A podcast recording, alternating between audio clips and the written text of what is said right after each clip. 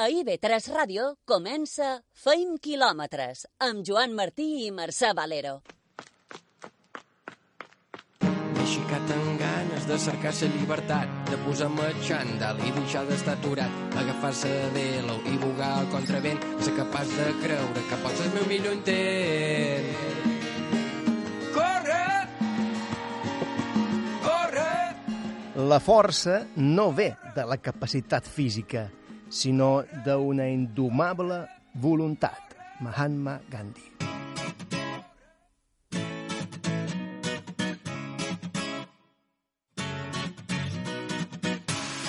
Give me a reason to fly so high. I wanna live in the sky so high.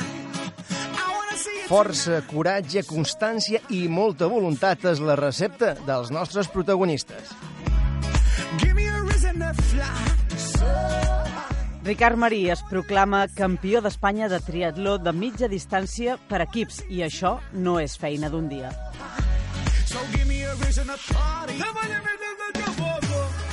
I Guillem Soler i Carolina Sitges, també campions de Balears de triatló de distància olímpica.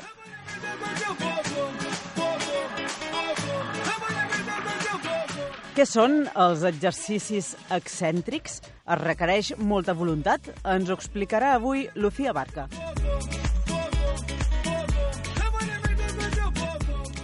Parlarem amb Adela Alabama. Ella és monitora de ioga i, i una gran apassionada del ciclisme. Dia 7 de juny, aquest dijous, inicia la ruta Zagreb-Dubrovnik, 700 quilòmetres en solitari per la costa de Croàcia. I wanna see it tonight so I Carlos Sunyer ens parlarà avui de la pel·lícula The Thing, La Cosa. Molta voluntat ens farà falta per no sortir corrent.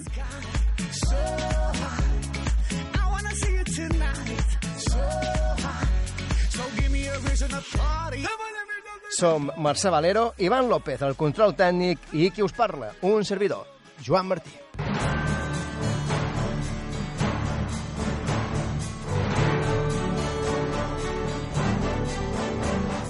Un altre èxit d'Àngels Llobera. Campiona a Bastions, una cursa als Pirineus catalans a la Vall de Núria. 7 hores i 2 minuts va tardar la Pollencina a completar els 52 quilòmetres de recorregut amb 2.900 metres de desnivell. A més, va acabar en el top 20 de la classificació general. I ho dèiem abans, Guillem Soler i Carolina Sitges es proclamen campions de Balears de triatló de distància olímpica. Han estat els guanyadors a Calamillo del Total Tri, Mallorca, en la distància de 51 quilòmetres i mig. Això és un quilòmetre i mig nedant, 41 en bicicleta i 10 i mig a peu.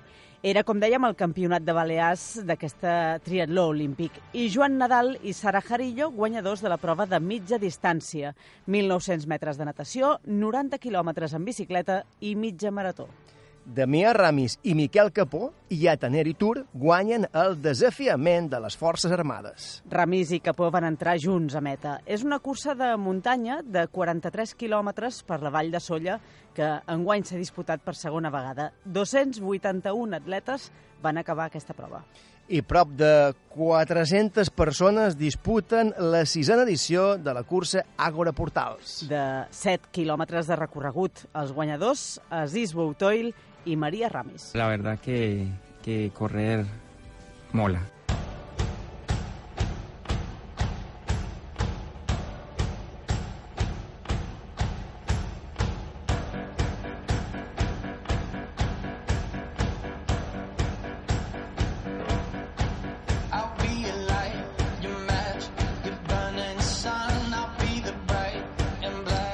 I a més de trobar-nos aquí a IBT Ràdio, fent quilòmetres també és a les xarxes socials. A Facebook, a Twitter, a Instagram i també a Spotify. I també tenim una pàgina web, feinquilometres.com, i allà hi penjam les notícies i les entrevistes que fem aquí al programa.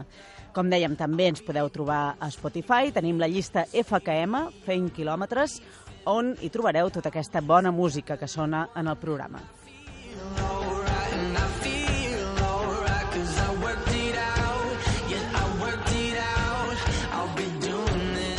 Te poses, Mercè, aquesta música per anar a córrer, aquesta llista? I la... Ah, molt bé. Va, beníssim. I a la ràdio ens podeu escoltar els dilluns a les 6 o els dissabtes, a quina hora? Ben prest, a les 7 del matí, perquè hi ha gent que, per exemple, va cap a una cursa o va a entrenar, I és al cotxe i, o és on sigui, i suposa a, a la ràdio. També es pot escoltar per podcast. O mentre entrena, Exacte. o mentre competeix. El que sigui. Tenim xip. Tenim xip. Visca Fai quilòmetres!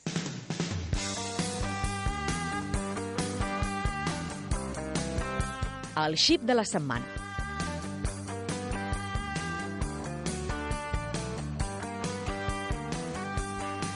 El xip de la setmana és el dorsal número 9 i membre de l'equip primer classificat al campió d'Espanya de triatló de mitja distància, disputat a Guadalajara. Ricard Marí, formenteré, resident ara a Barcelona. Benvingut a Feint Quilòmetres. Bona tarda. Com estàs? Molt bé, molt bé. Moltes gràcies, primer de tot, per, per seguiment que feis. Escolta, una victòria que, que crec que va ser tot una sorpresa, no? Perquè en principi havíeu pujat eh, en el segon escaló de, de, del podi. Com, com va anar això? Exacte. Eh, és a dir, el nostre equip, vull dir, som un equip que de forma individual, és a dir, tenim bons corredors, tenim bons triatletes, Mhm. però no tenim cap triatleta que pugui optar pues, a, a fer un podi, vale? perquè competim contra gent que realment s'hi dediquen a això d'aquí. Mhm. Mm -hmm. Per tant, tenim, això, tenim corredors molt bons que aconseguim fer, pues, els tres corredors ens vam col·locar en el top 21 de- d'Espanya, que això ja és molt bon Està nivell. molt bé, i tant. Exacte, però com de forma individual no, no hi ha opcions de fer un podi, però sí com a equip aquest any veiem que podíem, bueno, podíem fer alguna cosa, podíem estar entre tercer, quart, mm, col·locat, per dir d'alguna forma, per equips. Mhm. Eh, què va passar? Pues, bueno, hi ha resultats i tots vam dir, ep, mireu que aquí s'han fet podi i podem pujar.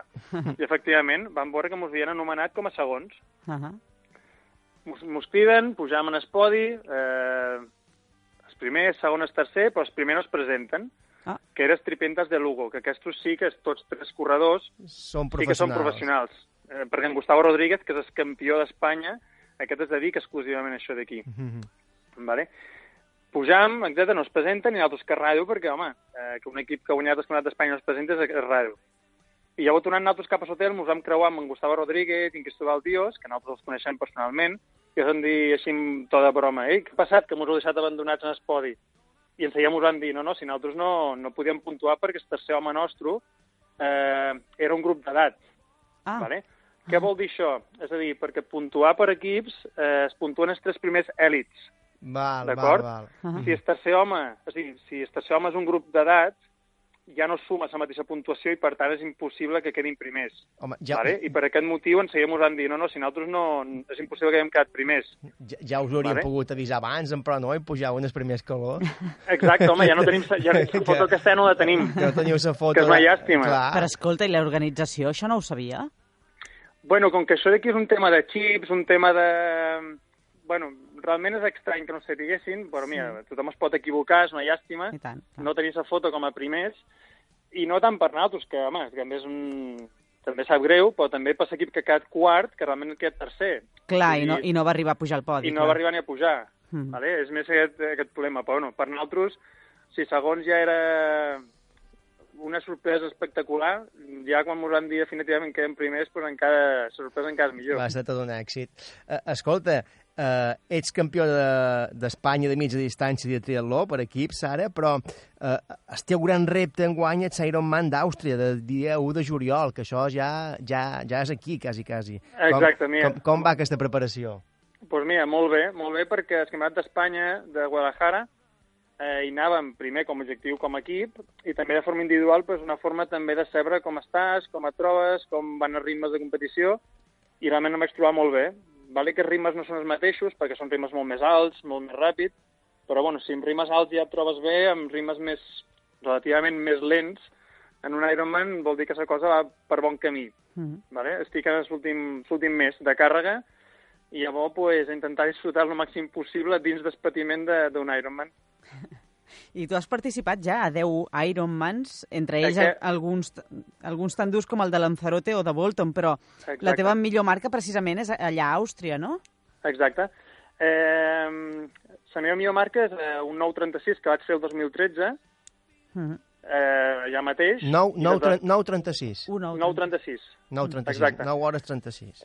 I des d'aleshores doncs, m'ha coincidit que he anat fent Ironmans una mica més durs, que la bicicleta doncs, és molt més llarga, no més, perdó, més llarga, més dura en quant a desnivell, Mhm. i per tant se te'n va mitja hora, 40 minuts més de temps total. De bicicleta. D'acord? Mm. Sí, Que Jo tampoc bicicleta, mai- a Ironman seran, seran 180, no? sí, sí, és exacte. A tots els Ironmans és la mateixa Sí, sí, distància, clar, però, sí. per exemple, a Lanzarote, doncs, el desnivell que hi ha és una bicicleta que la fas en 5 hores i mitja, 5 hores 40. Mm. Cosa que a Àustria, pues, el mateix ritme i mateixes sensacions, però la fas en 5 hores, Clar. o 5 hores 5. Mhm. Vale, això pues, provoca que els, teus temps finals dispari. Mhm. Però jo mai he anat a per marca, com ell que diu, ui, vull fer, vull tenir marca. No, jo sempre he anat a intentar quedar el millor possible i amb bones sensacions. I aquesta vegada he dit, mira, em trobo bastant bé, intentem pues, anar per marca aquesta vegada. Uh, estàs en 9.36. Quina, Exacte. Qui te- t'agradaria baixar... A veure, eh, m'agradaria- baixar a 9.15, és a dir, veure un 9.1 Home, amb alguna saps? Un 9.12, un 9.14, un 9.15, aproximadament. és bastant, I això, eh? pues, és bastant. O sigui, se vol... Sí, sí, sí. Mm. Trobes que ara estàs millor que quan vas fer la marca de 9.36? Sí, perquè jo va ser el meu tercer, era el meu tercer Ironman Ah, en aquell moment. Per Mhm. tant, era un novatillo encara. clar.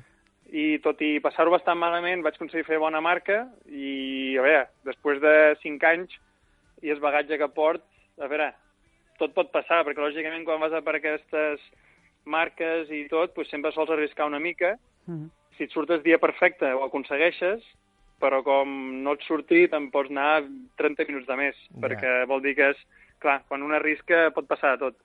Ricard, tu vens del món del futbol, un dia te'n vas a viure a Barcelona, decideixes deixar de banda el futbol i dedicar-te una mica al triatló de manera amateur. Durant aquests anys, que deu fer que, que et dedica... Que fa? Que et dedica, 2011 vaig començar... No, perdó, perdó. 2004 vaig començar a fer triatló. I des, des del 2004 que vas començar a fer triatló, en quin sector creus que has millorat més? En natació, en ciclisme o en, o en correpeu? Pues és una pregunta que quasi tothom em fa.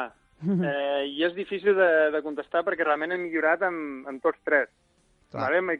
Sempre m'he considerat una persona bastant, bastant estable en tots els tres sectors. D'acord? Mhm. Eh, per tant, sempre he anat millorant amb tots tres al mateix temps. Vull dir, no sé que hi hagi un que digui em va quedar despuntat molt més. No. Vull dir, més o menys, en totes aquestes disciplines sempre he anat fent un pas endavant. Perquè sempre he baixat més temps en natació, sempre he baixat una mica en bicicleta i sempre he baixat una mica més de temps en, en socórrer. Però sí que devia haver-hi un que al principi de tot et costava més que Ah, no, altres. sí, això sempre passa, sí, sí. Mhm. El que més costa, al principi de totes, mm, és la natació. Si no vens de la natació, és és el sector que més costa, diríem. Clar, Perquè mai mai t'explota fer sèries en, a una piscina. clar. I els primers dies que ho fas, Pues... pues... Corre, corre ja en sabies. Eh? Sí, córrer en sabíem, perquè córrer era una pilota, tothom, Exactament. tothom ho ha fet, però no és el mateix córrer durant un bon rato en línia recta, és diferent. I, I la teva incursió en el triatló va ser de cop amb les tres modalitats o vas començar fent una marató i després te vas anar aficionant a les altres No, dues? no, mira, història és això. Vaig venir, el típic que fem molta gent des Balears, acabam l'institut i per fer universitat pues, vens cap a Barcelona o et quedes a Mallorca o te'n vas a una altra ciutat. Al sortir a Formentera pues, mm, et fa una mica de peresa de buscar un equip de futbol que et quedi prop de casa, que et puguis compaginar-ho amb els estudis, etc. Pues, el temps va anar passant, vaig començar amb el gimnàs, el típic que fem tots, vinga, anem al gimnàs per fer alguna cosa, que un professor de la facultat meu, que, que, que feia Ironmans, pues, mos, res, parlant, parlant, em va sortir el tema i diu, mira, si vols et pas uns entrenos i comences amb aquest mundillo. I així va ser, em va començar a passar uns entrenos, vaig començar amb el triatló sprint, que són els més curtets, Mm. i al cap de... vaig tenir també el típic, tens un pic de motivació, comences dos o tres anys bé, llavors per feina baixes un any o dos, Mhm. i definitivament en sèrio, en sèrio, quan dic en sèrio vol dir allò entrenar amb ganes, motivat, Mhm. i agafar-te com un esport ja cuidant-te una mica més, va ser el 2011, que va ser quan vaig ficar-me ja amb la mitja i llarga distància. Mhm. Com aquell que diu, vas començar en aquest mundillo, que dius tu, fins, Exacte. fins, a, fins a ser campió d'Espanya de triatló de mitja distància per Exacte. equips i, Exacte. i està a punt de fer el teu ja Ironman número, Desè, sí. número 10. I que també em vau entrevistar fa dos anys, el 2007, que vaig Exactament, a Hawaii. exactament Sí, sí, sí. tornant, tornant de Hawaii.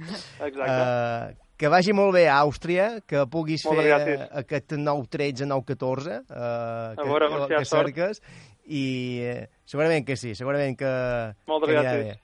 Moltes gràcies, Ricard, i una Moltes abraçada gràcies pel forta. seguiment i una abraçada ben forta. A tu. Igualment. Adéu, Adéu. adéu, adéu, Ricard. I ara nosaltres anirem a fer exercici amb Lucía Barca.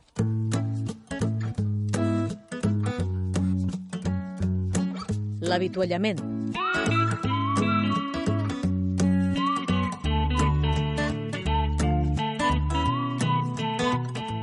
I com a totes les curses, a Feim Quilòmetres, també fem una aturada per reposar i agafar forces. Obrim consulta, tenim ja Lucía Barca, fisioterapeuta, infermera esportiva i coach nutricional de Menorca Trainers. Benvinguda, Lucía, a Feim Quilòmetres. Hola, hola, ¿cómo estáis? Molt bé, i tu? Bien también. Avançaves la setmana passada que avui explicaries què són els exercicis excèntrics. Mm? O per què Efectivamente. serveixen, no? De, de, de què parlam quan parlam de, de, de feina excèntrica? Pues es un, es un concepto que a priori puede parecer un, un poco complejo. El ejercicio excéntrico se ha puesto muy de moda ahora en todo el tema de, en fisioterapia y rehabilitación para recuperar lesiones y también en preparación física para esto, para prevenir y para tratar lesiones. Y tiene que ver con los tipos de contracciones musculares que tenemos. Amb els tipus de... de contracciones musculares. No sé si, eh, si tenéis un poco presente, os lo explico un poco de manera sencilla. Sí, sí, millor. Pues, ya te digo que es un tema, es un tema un poco más complejo. Simplificando, tenemos eh, contracciones musculares, la manera en que el músculo se contrae para hacer el ejercicio. Tenemos, mm, simplificando mucho, de tres tipos. Una contracción concéntrica, otra isométrica y otra excéntrica. Ahora os quedaréis con cara de chino. Vale, más repetim. Tenim tipus de contraccions concèntriques, isométrica y excéntrica. Para que sea más fácil, visualizamos eh, la contracción del bíceps, ¿no? De nuestro brazo. Si nosotros hacemos una contracción de bíceps, como cuando hacemos un ejercicio con una mancuerna, Sí. cogemos una pesa y llevamos la pesa que está en nuestra mano en dirección al hombro y el músculo se contrae. Eso es una contracción concéntrica, porque el origen y la inserción del músculo se aproximan, se acorta el músculo. ¿sí? Això és concèntric. Eso es concéntrico. Tenemos otro tipo de contracción que es isométrico, donde hay acción del músculo, pero no hay movimiento. Es decir, cogemos nuestra pesa, el músculo se activa, pero no nos movemos y mantenemos ahí, ¿sí? Como una plancha, por ejemplo. Ah, vale. Y entonces tenemos el otro tipo de contracción, que es la excéntrica, que es de la que vamos a hablar hoy, en la que el músculo se contrae de origen, pero se aleja de la inserción, aumentando su longitud. Por ejemplo, imaginaros, estamos echando un pulso, ¿sí? Y nos vencen. Entonces, nosotros hacemos fuerza como para llevar eh, la mano hacia un lado, pero nos extienden el codo. Hacemos fuerza, pero el peso nos vence. Eso es una contracción excéntrica, ¿sí? Val, val. Mm. Más o menos, por ejemplo, o sería el Una peso força, nos una força vence. contrària cap allà on vols fer la força tu. Efectivamente, exactamente. Estos son el tipo de contracciones excéntricas que, tam- que tan beneficiosas son. Val. I, I quin tipus d'exercicis es fan? Pues mira, eh, en, este, en este tipo de ejercicios tenemos gran variedad hoy en día. Lo, importante de ellos es que generamos nuevas fibras en el músculo. Eso es lo más importante. Luego, tenemos que tener en cuenta que mejoran la fuerza y la elasticidad muscular. Mejoran también la potencia y la fuerza explosiva. Y lo más importante, lo que, lo que, lo que os comentaba al principio, nos ayudan a prevenir lesiones, sobre todo la posibilidad de roturas de fibras. Es decir, cuando hacemos estos excéntricos, generamos más fibras. También si hay algunas fibras inflamadas, se acaban de romper y se generan nuevas fibras, hace, produce un efecto protector y hace a los deportistas menos vulnerables a lesiones. Y, lo- y luego otra cosa muy importante es que estabiliza las articulaciones implicadas en el, en el movimiento. Estos son unos beneficios que os doy así mm, muy importantes y, y por los cuales se trabaja tanto ahora en, en excéntrico, en preparación física y también en, en fisioterapia. Per exemple, anem, anem a posar un exemple. Na, na Mercè té una lesió de quàdriceps. val? Mhm. Eh, mm, què seria un exercici excèntric per, per, per millorar? de cuádriceps sería uno en el cual nos venza nos venza el, el- el peso. Ten- Teníamos que hacer ese gesto excéntrico, que hacíamos antes. Yo os había preparado dos para específicos para corredores. Ajá. Uno de uno de gemelos, sí, y otro de isquiotibiales, que son zonas donde suele haber mucha rotura, mucha rotura de fibras. Y son corredores también es importante fortalecer y, y también hace incluso que esa zona no, no se cargue tanto. ¿Os los explico? Sí, sí, clar. Mira, por ejemplo, el de, el de gemelos. Nos imaginamos, estamos de pie en un escalón, ¿sí? Sí. Y tenemos apoyado el antepié, la parte anterior, de un solo pie y la otra pierna está como la pata coja. Entonces, agarrados a la barandilla donde sea, dejamos que nos venza con el peso del cuerpo, haciendo un movimiento controlado, Ah, y que nuestro talón vaya hacia abajo. Intenti tocar en sense tocar, no? Eso. Y entonces bajamos de manera lenta con el apoyo, dejando que el peso nos venza, y para subir apoyamos el otro pie y hacemos una subida rápida con las dos piernas. Va. ¿Sí? Tenemos, estamos en el escalón, pata coja, bajamos despacito, apoyamos el otro pie, subimos rápido. ¿Sí? Este sería ideal clar, para D'aquesta corredores. manera es bessó, es contreu i a la vegada s'estira després, no? Va fent... Eso es. Molt bé. Ese hacemos el trabajo excéntrico. Y luego el de isquiotibiales, el de que es la musculatura de aquí de la parte posterior de, de la pierna, es muy común, también se practica mucho en fútbol, seguro que lo habéis visto. Os, os doy la, la información. Nos colocaríamos de rodillas en el suelo, alguien, nuestro compañero, nuestro preparador físico, nuestro fisio, nos cogería los pies por detrás, mantenemos los brazos cruzados en el pecho y bien estirados nos dejaríamos caer hacia adelante, hacia adelante, hasta apoyar las manos en el suelo. ¿Ese lo habéis visto? Sí, sí, sí, sí. sí. Ostres, però Este això és- fas abdominals, no, també? A ver, siempre es un trabajo global, pero es principalmente un excéntrico de isquiotibiales. Ujú. Este ejercicio es muy común y se ve mucho, ya digo, se utiliza mucho en corredores, se utiliza mucho en fútbol. Es, es un ejercicio muy frecuente y en el que se han visto resultados eh, excelentes Clar, en el en tema de aquest, prevención. en aquest cas, una persona, el preparador, aguanta, aguanta pels peus i tu vas cap endavant, no? Fins Sí, que... nos Sí. dejamos vencer despacito, despacito, haciendo ese excéntrico, ¿no? Claro. Hacemos como la fuerza muy controlada y dejamos caer hacia adelante hasta que finalmente apoyamos las manos Fins que en no pots i, i poses les mans a, en terra. y volvemos. Luego, a medida que, que vayamos estando más en forma, pues en vez de llegar y tocar con las manos en el suelo, nos mantenemos y volvemos para atrás. Mm -hmm. Són exercicis aptes per qualsevol persona? Supos que cadascú dins el seu nivell, no?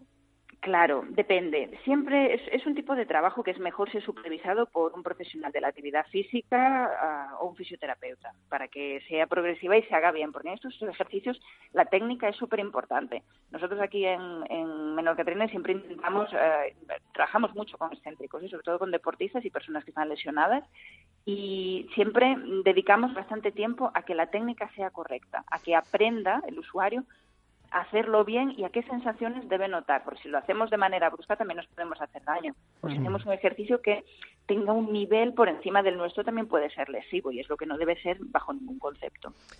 Molt bé, avui hem ratllat d'exercicis excèntrics, eh, exercicis per evitar, evitar lesions o per millorar-les, o per recuperar-nos. La setmana que ve de què parlam? ¿Qué os parece si hablamos de los calambres en las piernas? Molt bé. Sí, també molt habitual. Sí. Sí, sí, rampes a, a les cames fruit de la pràctica esportiva perquè apareixen i com evitar-les, no? Eso es. I, i què hem de fer si, si, si apareixen, sobretot, eh? com actuar. Molt bé, moltes gràcies, Lucía. Lucía Barca, fisioterapeuta, infermera esportiva i coach nutricional de Menorca Trainers. Uh, la setmana que ve Más y mejor. ens expliques tot això. Muy bien. Adéu, Un una abrazo. abraçada. Adéu. gràcies. I ara fem una aturada i tornem tot d'una. Zona d'avituallament. Tot d'una continua, feim quilòmetres. L'entrevista.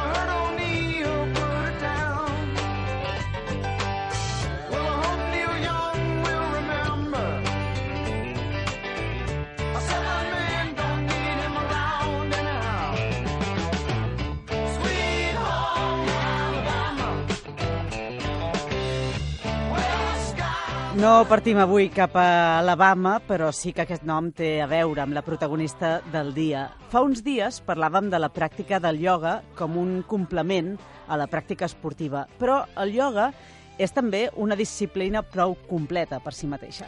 Una disciplina mil·lenària que combina l'exercici físic amb la meditació, també. La protagonista d'avui, Adela Alabama, és monitora de ioga. Combina els exercicis amb la meditació, però, a més, tot això li serveix d'entrenament complementari per fer ciclisme d'ultradistància, podem dir. Tant és així que aquest dijous, 7 de juny, inicia en solitari la ruta Zagreb-Dubrovnik, 700 quilòmetres en solitari per la costa de Croàcia. Benvinguda, Adela, a Fent Quilòmetres. Muchas gracias, buenos días. Ja ho tens tot a punt, tot preparat per, per iniciar aquesta, aquesta ruta. Pues casi, casi. Faltan siempre detalles ¿no? que dejas para, para el final, pero más o menos ya está todo. Escolta, i ara, quan començàvem aquesta presentació, deien que és monitor de ioga, que a més a més ets una apassionada del ciclisme. Què va aparèixer primer a la teva vida? És ioga o, o el ciclisme? Perquè les dues coses els dues en el límit. Sí, son muy diferentes, pero primero realmente apareció el, el yoga hace pues prácticamente los mismos años que, que vine a Mallorca, con un viaje también en solitario a la India y, y, bueno, desde ahí pues fue como una especie de proceso hace 10 años, ¿no? Y con el ciclismo tampoco llevo tanto tiempo, solamente desde el 2014, 2015, pero, pero realmente es que engancha. Uh, sabem que hi ha diferents tipus de yoga. Quin, quin, ti- quin yoga practiques? Uh, Pues eh, yo practico hatha yoga, pero, pero también es verdad que, pues, que el yoga restaurativo pues, viene muy bien para, pues, para, para estos momentos, ¿no? Cuando haces deporte, quieres estirar y, y sientes pues, alguna tensión ¿no? en, el, en el cuerpo. I és hatha yoga, què seria? El hatha yoga es como el hatha real, eh, pues que hay tantos tipos de yoga. I el hatha real, què és? Pues realmente es el que la mayor parte de las, de las personas conocen y, y practican. Además de, bueno, mm, sí, sí. Mhm. Però són exercicis, eh, són estiraments, simplement, o quin tipus d'exercicis són? Mm, Vamos a ver, el, el yoga en sí, eh, los ejercicios de yoga son una parte pues mínima ¿no? de lo que es el, el yoga. Sí que es verdad que es la parte pues que genera más eh, atractivo, es más atractiva ¿no? para, para las personas, para engancharse ¿no? a, la, a- a la disciplina. Pero, pero realmente es que mm, no tienen que ser posturas eh, muy complicadas. Es, es, Home, eh, hem vist eh, tant en el teu Facebook com en el teu inst Instagram que ets capaç de, de fer i, i realitzar postures o exercicis realment a manco a simple vista complicats. Bueno, es, es todo práctica, pero, pero realmente quizás en las, en las posturas más sencillas son en las que encuentras pues ese espacio ¿no? para, para escuchar el cuerpo, para, para conectar y para, para llegar al fin ¿no? último del, del yoga, que es la, la meditación. Mm. I, i eh, el yoga te serveix com a un entrenament complementari en el ciclisme o és el ciclisme el que complementa el fet de, de practicar yoga? Mm, Muy interesante la pregunta. Eh, pues eh, yo diría que son las dos cosas. Sí que es verdad que, que la práctica del yoga me ha ayudado muchísimo, no tanto por las posturas quizás, pero sí por, por otro aspecto fundamental de- del yoga que es la respiración. Eh, respirar correctamente para cualquier deporte es, es, es clave para, para mejorar el rendimiento y, y- y, bueno y disfrutarlo mejor y más. Clar, i imaginant també que després d'una ruta de, de 200 quilòmetres, un exer exercicis de, de ioga, si els saps fer, fer bé, mm, supos que també ajuden a, a, mm, Recuperar, a no? recuperar, no? Has estat amb el cos contret molt de, molt de temps, supos que ajuda a estirar bé. Eh, tienes dos opciones, o te llevas un masajista contigo o te haces luego una buena sesión de estiramientos y, y te quedas nueva. Parlam amb Adela Alabama, que és monitora de ioga i ciclista aficionada, que aquest dijous partirà a fer la ruta Zagreb-Dubrovnik en solitari.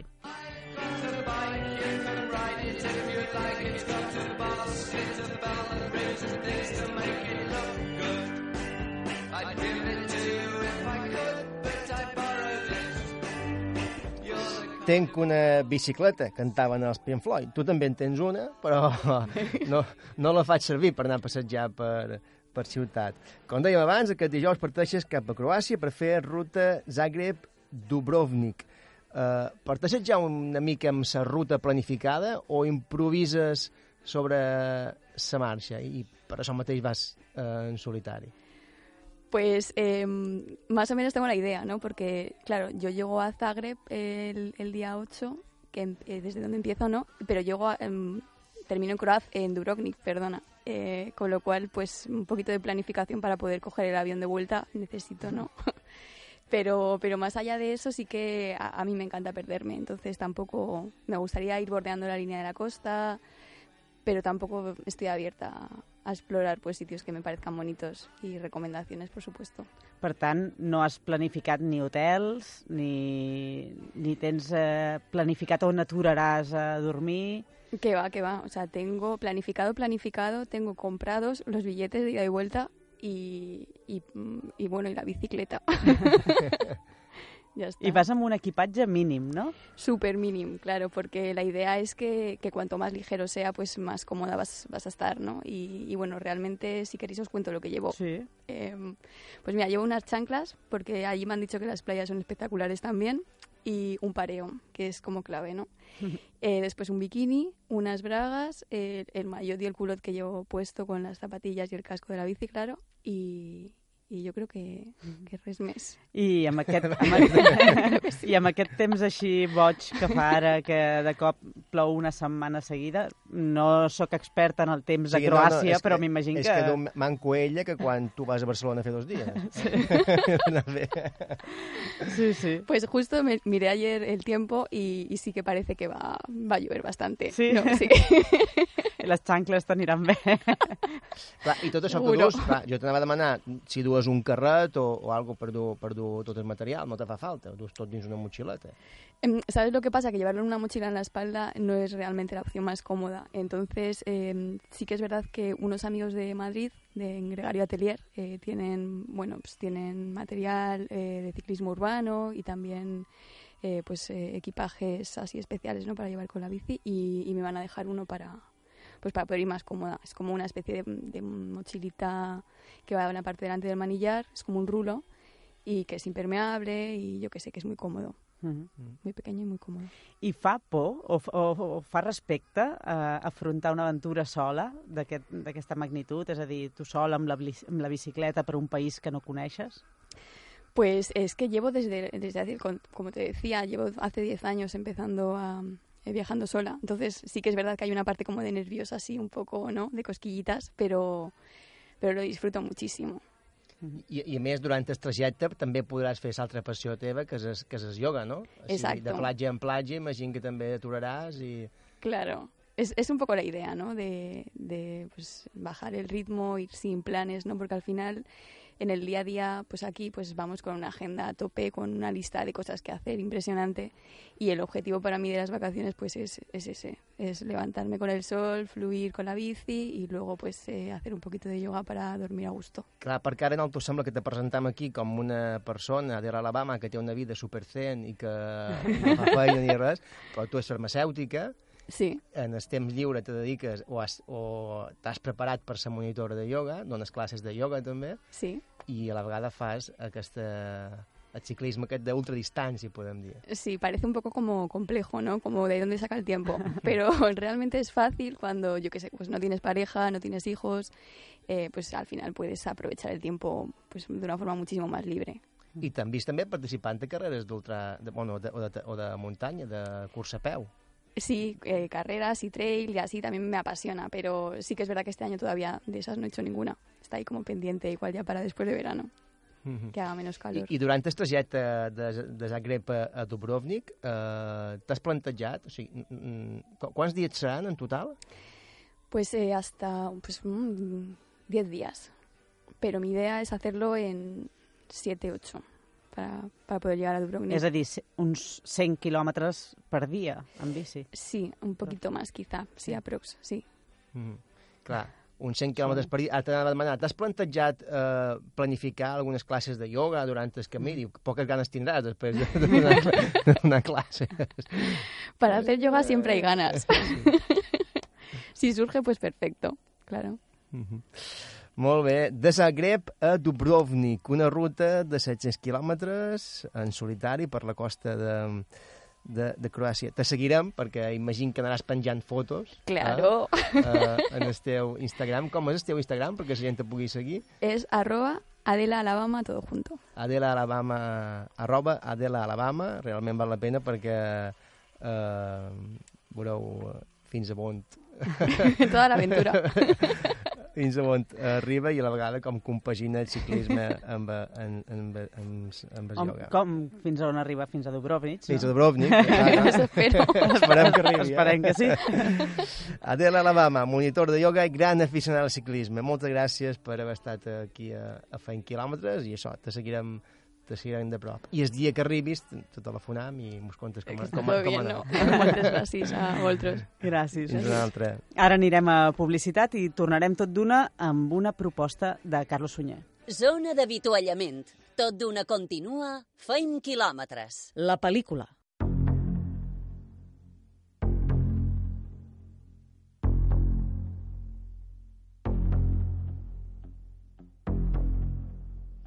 Jo no sé a vosaltres, però jo només d'escoltar aquesta música a mi ja m'entra mal rotllo, eh, Joan? Sí, sí, sí, sí.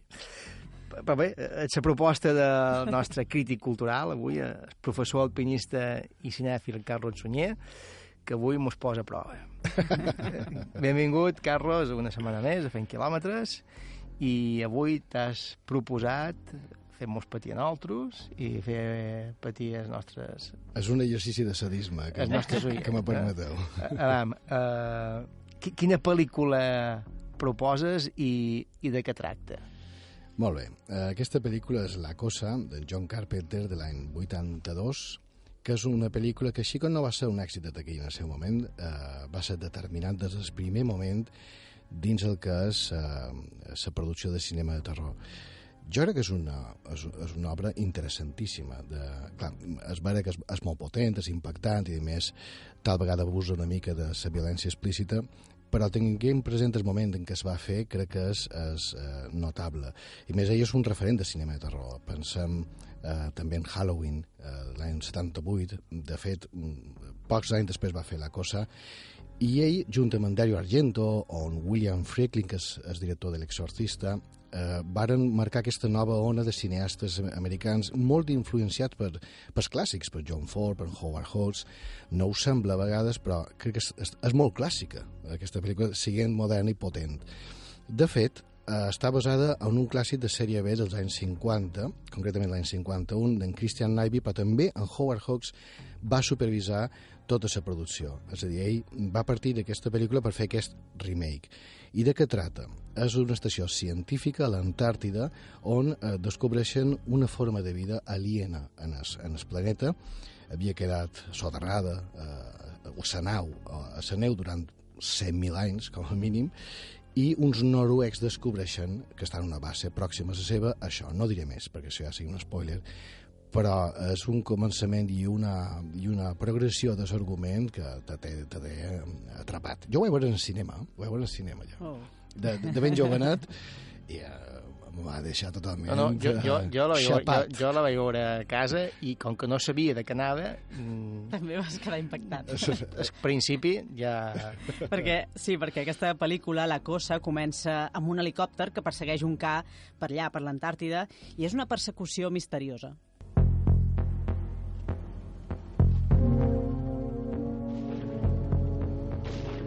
Lateral ponía Norge o algo así. Es noruego.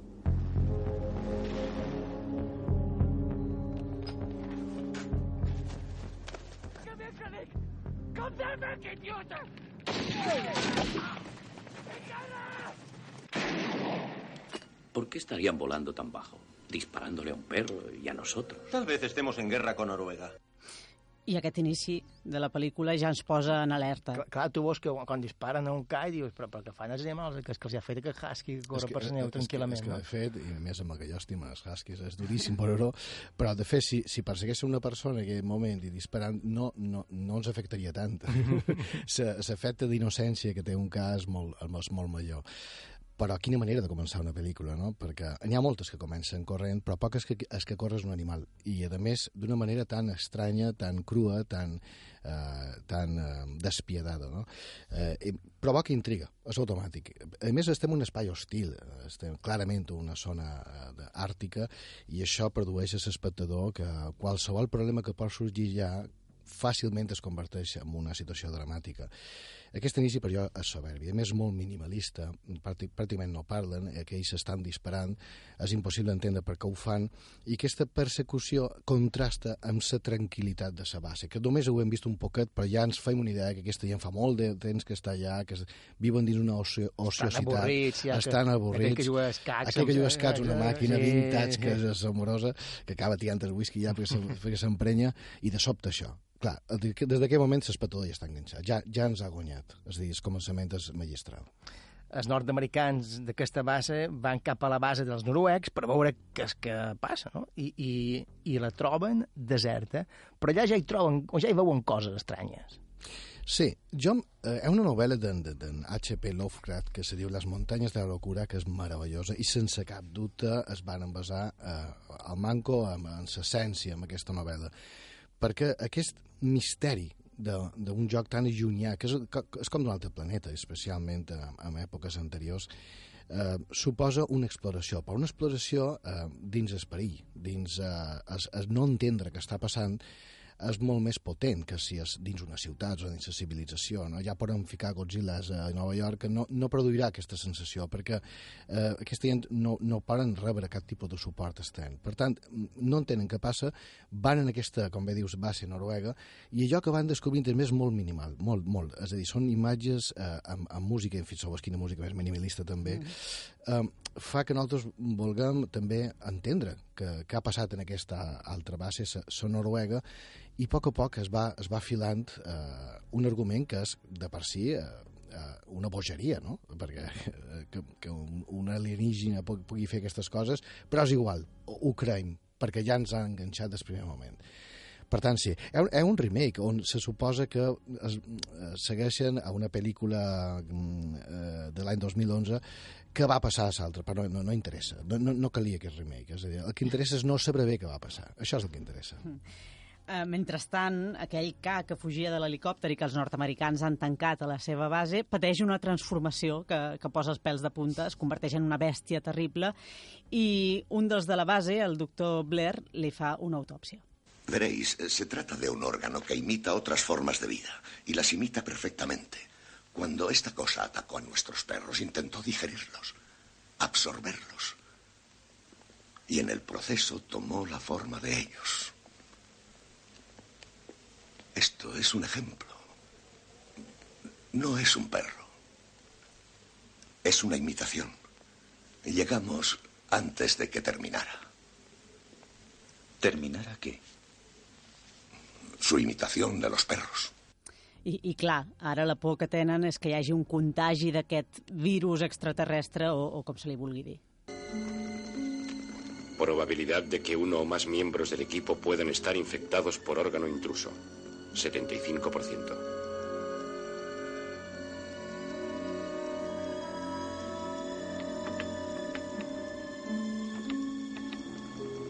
Proyección.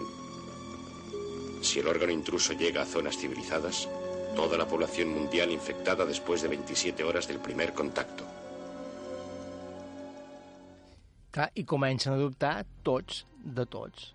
Clar, si aquest virus extraterrestre pot imitar qualsevol forma humana, qualsevol, per exemple tu, Carlos, podria ser la cosa. Que, de fet, som dels principals sospitosos. Mm. Quina situació, no? Quina situació. No no- T'has no- d'incloure, no- també. no n'estic segur. T'has d'incloure. No. Tenc dubtes. jo també. A més, eh, mm, això que sentien, eh, eh, per llàstima no ho veiem, però si ho veus, és increïble els efectes especials per les èpoques que va fer. De, de, fet, eren Rob Bottin i Albert Whitlow que els se disputava tothom. Eh, Fem, en Verhoeven, en Fincher, tothom volia fer pel·lis amb aquests perquè eren genis dels efectes especials i som, tenen una credibilitat enorme. Eh, Fins i tot avui. Fixeu-vos eh, els els anys que ha passat i quan veus aquests efectes especials eh, t'arriba, no penses, uf, que mal fet, no? que, que, que, que cutre. No, no, no, no, no, no, no t'impacta. i aquesta desconfiança que declara en aquest tall, escoltam. ¿Cuánto tiempo estuviste solo con el perro? A Blair le ocurre algo. Órdenes, él puede ser una de esas cosas.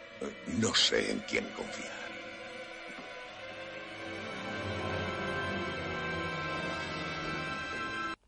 I en aquella base, enmig de l'Antàrtida, amb aquelles temperatures que estan molts graus baix zero, veiem els protagonistes corrent amunt i avall i, i, i, per passadissos, clar, tothom fuig de tothom. Clar, per això he pensat també, Verdura, aquí, perquè corren pels passadissos, però passadissos d'un laberint, perquè és, un, és, és quasi una metàfora a sa base, perquè és el joc on ells estan protegits, és on estan eh, sa- eh, allunyats d'esperir, però a la vegada és una trampa. És a dir, mentre estan allà, eh, no, pot estar eh, aquesta criatura de ells. Aquesta, aquesta sensació és difícil de veure a altres pel·lícules de, de terror, on està més fàcilment localitzat el punt de, de perill. Aquí es, eh, està a tot arreu i, i a la vegada eh, no poden de cap de les maneres eh, abandonar la base, per altres coses perquè moririen de fred. I aquesta manera de córrer, aquests travelings posteriors i anteriors eh, són molt bons molt, molt ben duts, no? Eh, perquè la prontitud, la rapidesa en què s'han de moure, tant fugint com anant cap a l'esperit per poder salvar algú o per poder enfrontar-se, fa que la pel·lícula sigui molt dinàmica a un lloc tan, tan aturat. I quina escena també cap al final, quan la criatura ataca el protagonista i ell fuig. Sí, a més, eh, era difícil culminar bé la pel·lícula, perquè en tantes escenes potents eh, com eh, acabant de deixar l'espectador eh, al·lucinat. I, I ho aconsegueixen. Per què? Perquè aquest enfrontament de l'home i la bèstia, això és ancestral, això és, és depredador, no? el depredador que està darrere i, i d'alguna manera eh, eh, és important recordar que, que això podria passar. és a dir, estem tan habituats a ser nosaltres els, els que estem a, a, a jocs on no ens pot arribar un perill d'un depredador que que, a part que, que produeix cert, cert plaer, per això agrada el cinema terror veure altres amb problemes i situacions dramàtiques perquè vol dir que no me passa allò. això és una cosa que s'hauria d'estudiar molt. Uh, però aquesta solitud és molt bona i ell uh, necessita córrer per salvar-se, però cal tenir valor per lluitar també, si no morirà segur. Um, I això es, es, es, es, es significa molt bé uh, en, en el final, aquest terror després d'interminables minuts d'horror mayúscul, està molt bé en aquesta escena final. En els 80 va ser tot un xoc. Jo crec que encara ho és, aquesta I pel·lícula. tot això està molt ben reforçat per la banda, per la banda sonora.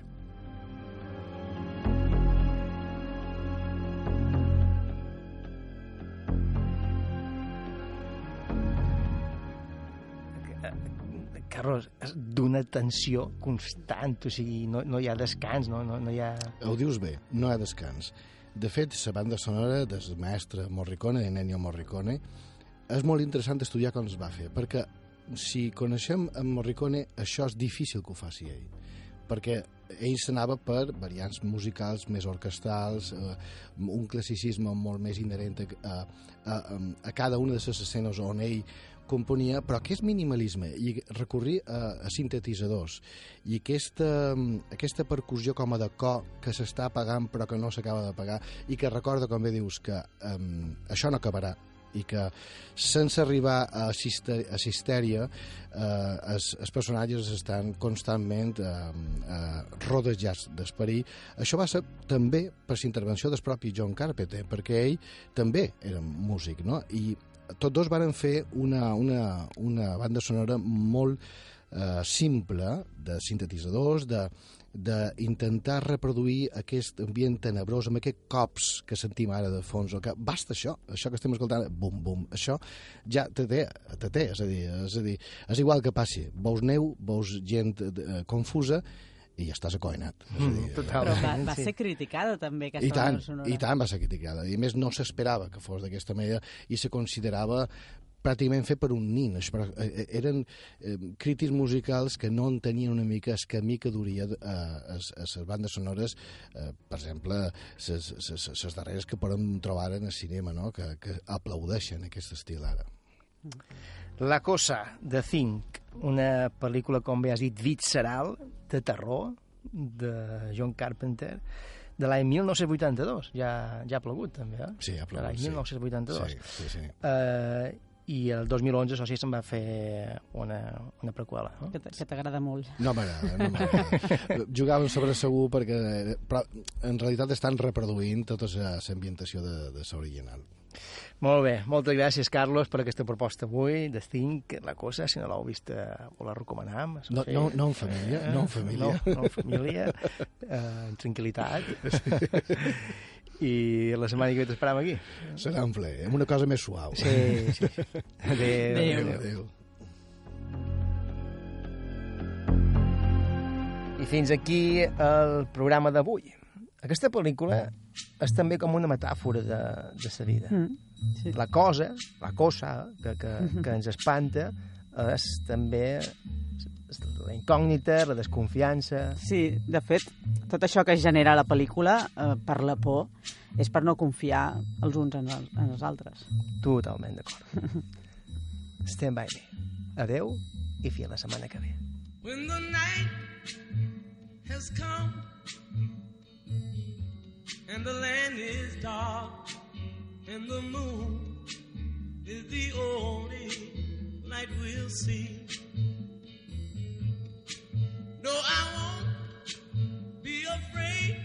Oh, I won't be afraid just as long as you stand, stand by me. So, darling,